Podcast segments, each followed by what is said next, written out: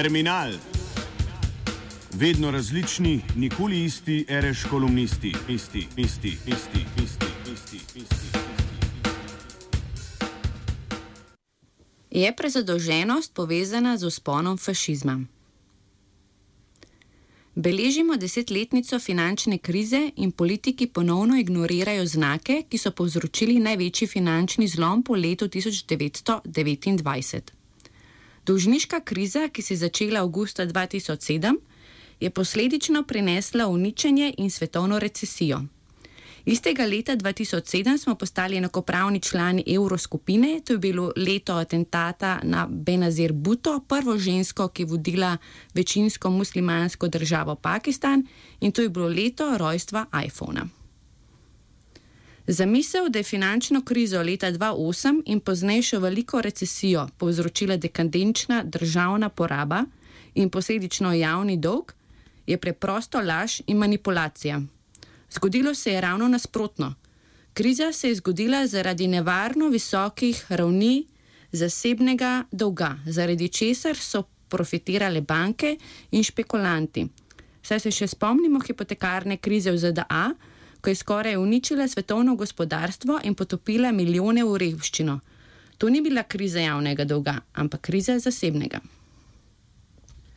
Kljub favoriziranju radikalnega umika države iz gospodarstva so bile banke rešene za javnim denarjem, z državno intervencijo v podporo finančne industrije. Medtem ko so njihovi šefi bili še vedno izplačani, pa sta delovski in srednji razred plačevala krizo, jo še vedno plačujeta in jo bosta plačevala še naprej v naslednjih desetletjih. To, da medtem ko so ostali okušali vrčevalne ukrepe, je ostal gospodarski in poslovni model nedotaknjen, ne glede na tehnične reforme, ki so sledile finančnemu zlomu. Vrčevanje je pomenilo stagnacijo, padec plač, zmanjšanje porabe za socialne izdatke in više davke za prebivalstvo ter depresijo. To se skupaj pa je vzročilo velike pritiske na gospodinske proračune in ljudje so bili tako prisiljeni v sposojanje denarja in najemanje različnih posojil. Obene pa vrčevanje predstavi kvazi moralni argument, saj so nas, politiki, prepričevali, da se je moralno odrekati in prispevati, da se moramo žrtvovati za ekonomijo, za uravnoteženi proračun. Politični centri so ugotovili, da zastraševanje strojko deluje in tako lahko tudi s formulami vrčevalnega sistema politično uspejo. Ob bančnem propadu so vladajoče elite zmožne prodati paničnemu prebivalstvu tudi potrebe po zmanjšanju socialne države in hkrati potakniti ogromno finančno pomoč industriji, ker bi po njihovo bila alternativa popolna ekonomska in družbena apokalipsa. Nihče ni mogel predvideti, koliko bo zadnji finančni zlom stal davkoplačevalcem. Tudi zdaj to vemo. In tudi vemo, da zmanjšanje javne porabe povzroča dolgoročno slabšanje socialnega položaja mnogih in prinese zelo malo opaznih koristi. Vemo, da vrčevanje pride za retoriko strahovanja, ksenofobije in demonizacije revščine, ki ima katastrofalen vpliv na politiko. Vrčevalni ukrepi nujno vodijo do naraščajoče ravni zasebnega dolga. Gospodinstva se morajo zadolževati in česar, iz česar sledi, da zlom, ki si začel leta 2007, po vsej verjetnosti ni stvar preteklosti. Balon svetovnega dolga, zasebnega in javnega, je sedaj še večji kot pred krizo. Inštitut za mednarodne finance, to je klub bankirjev, poroča, da je svetovni dolg v prvih devetih mesecih leta 2016 povečal za več kot 11 bilijonov dolarjev, pospel se je na več kot 217 bilijonov dolarjev. Enako je IMF lani oznanil rekordno visoko raven dolga na svetovni ravni, ki pa še vedno raste. Podoben trend opozoril prihaja tudi iz Združenega kraljestva kjer je jasno opozorilo prišlo prejšnji mesec od Aleksa Brezerja na Bank of England, ki pravi, da dolg gospodinstv je tako kot večina dobrih izmernih stvari lahko nevaren, če ga je preveč. Nevaren je za posojilo jemalce, posojilo dajalce in najpomembnejše za vse ostale v gospodarstvu. Potrošniški krediti so se v Združenem kraljestvu nedavno povečali za več kot šestkrat hitreje kot prihodki. Ter za kritje tega ni resničnega denarja. Poprečni dolg gospodinstv je na otoku že zasenčil ravni iz leta 2008. Zasebni dolg je ponovno ušel izpred nadzora. Res je sicer, da pri nas uradna statistika meri zadolženost gospodinstv preko finančnega bremena stanovanskih posojil.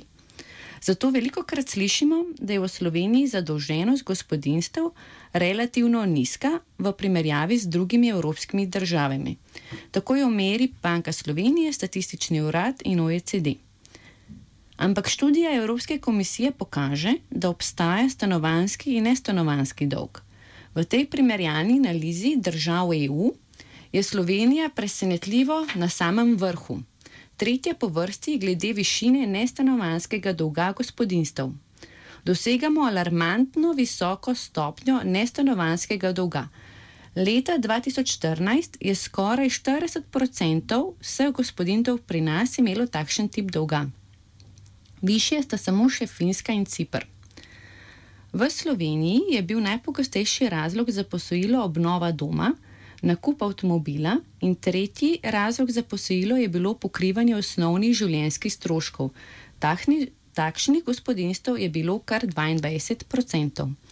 Že skoraj desetletje, ko plače realno stagnirajo, so bila številna gospodinstva z nizkimi in srednjimi dohodki prisiljena vzeti posojila, da bi pokrila osnovne življenjske stroške. Ob nizki inflaciji in o pomankanju rasti realnih plač lahko sklepamo, da ti dolgovi ne bodo kmalo izginili. To pa ustvarja resnično tveganje tudi za širše gospodarstvo. Politične elite se le pretvarjajo, da so nas rešile izpred uničenja finančne krize. Če se spomnimo, smo se pred leti pogovarjali o zadolženosti gospodinstv. Takrat je vlada svojo populistično gestiko zaznala prezadolženost gospodinstv kot postkrizni problem. In državni zbor je 2015 sprejel prostovoljni ukrep, zakon o odpustu dolga najrevnejšim. Sprožil je veliko optimizma in velika pričakovanja dolžnikov. Ampak zakon je bil malomarno pripravljen, v resnici ni naslovil problema prezadolženosti gospodinstev. Če poenostavim, je šlo predvsem za urejanje računovodskih knjig upnikov in za izbris neizterljivih terjatev. Zakon je problematičen, ker je preosko definiral časovno obdobje nastalega dolga in postavil prestrogo definicijo dolžnika ter zanemaril določene vrste dolgov. Zaradi prostovoljne narave zakona je prišlo do neenake teritorijalne obravnave dolžnikov, saj je k ukrepu pristopila le polovica občin kot upnic. Kar je v praksi pomenilo, da če nisi živel na pravem naslovu, nisi bil pravičen do odpisa terjatev, naprimer vrca, šole, komunalnih storitev in podobno. Ministrstvo za delo, družino in socialne zadeve sicer pravi, da je ukrep uspel, a tudi sami so priznali, da so pričakovali večje število vlog. Država je nameravala nameniti milijon evrov za odpis svojih terjatov, vendar je za nje na koncu odštela okoli 83 tisoč evrov, kar je manj kot desetina pričakovanega zneska. Znesek celotnega ukrepa je na koncu znašal manj kot 2 milijona evrov. Posledice slabega ukrepa se čutijo še danes in to kljub različnim znakom gospodarskega oživljanja, večji gospodarski rasti, manjšanju brezposelnosti in saniranju bank ter odpisu dolgov podjetjem. Tako je sporno, da je število prejemnikov denarne socialne pomoči vsako leto više in še kar naprej raste. V zadnjih štirih letih se je povečalo za 20 odstotkov. Ravno tako se je v istem obdobju skokovito povečalo število vlog za izredno denarno pomoč iz dobrih 41 tisoč na slabih 70 tisoč vlog. Podoben vzorec povečanja materialnih in socialnih stisk v zadnjih letih vidimo tudi pri številu osebnih stečajev, ker gre za izrazit porast letih. Torej, bi tudi mi lahko ponovno začeli razmišljati o prezadolženosti naših gospodinstv, bo tudi naša centralna banka sprožila alarme, kot so to storili v Združenem kraljestvu. Verjetno ne. Ko obstaja preveč zasebnega dolga oziroma kredita v katerem koli finančnem sistemu in ko ta prehitro narašča, potem to vedno vodi do finančne nestabilnosti. Predvsem sta zaskrbljujoča obseg in hitrost rasti dolga. Morda bi se bilo zato smiselno začeti spraševati, kaj je pravi namen institucij, ki naj bi predvidevali krize, predvsem finančne. Ena redkih, ki je že 2006 napovedovala, da naraščanje svetovnega dolga vodi do vzpona nacionalizmov, je bila ekonomistka Anne Pettifer. To je zdaj značilnost ne le trgov, kot so Indija, Turčija in Filipini, temveč tudi v državah, kot so ZDA, Rusija, Mačarska in Poljska, kar si je bilo pred krizo težko predstavljati. Tudi glasovanje Združenega kraljestva za Brexit je bil nacionalistični impuls. Podcenjevalo se je, kako bo reševanje finančne industrije z javnim denarjem in kriza finančne globalizacije vodila v porast avtokratov. Lahko bi se iz krize naučili, da je potrebno ustvariti bolj demokratično in enako družbo. Namesto tega imamo sedaj ustrajno spenjajoči se fašizem. Terminal pripravila Aida Pistotnik.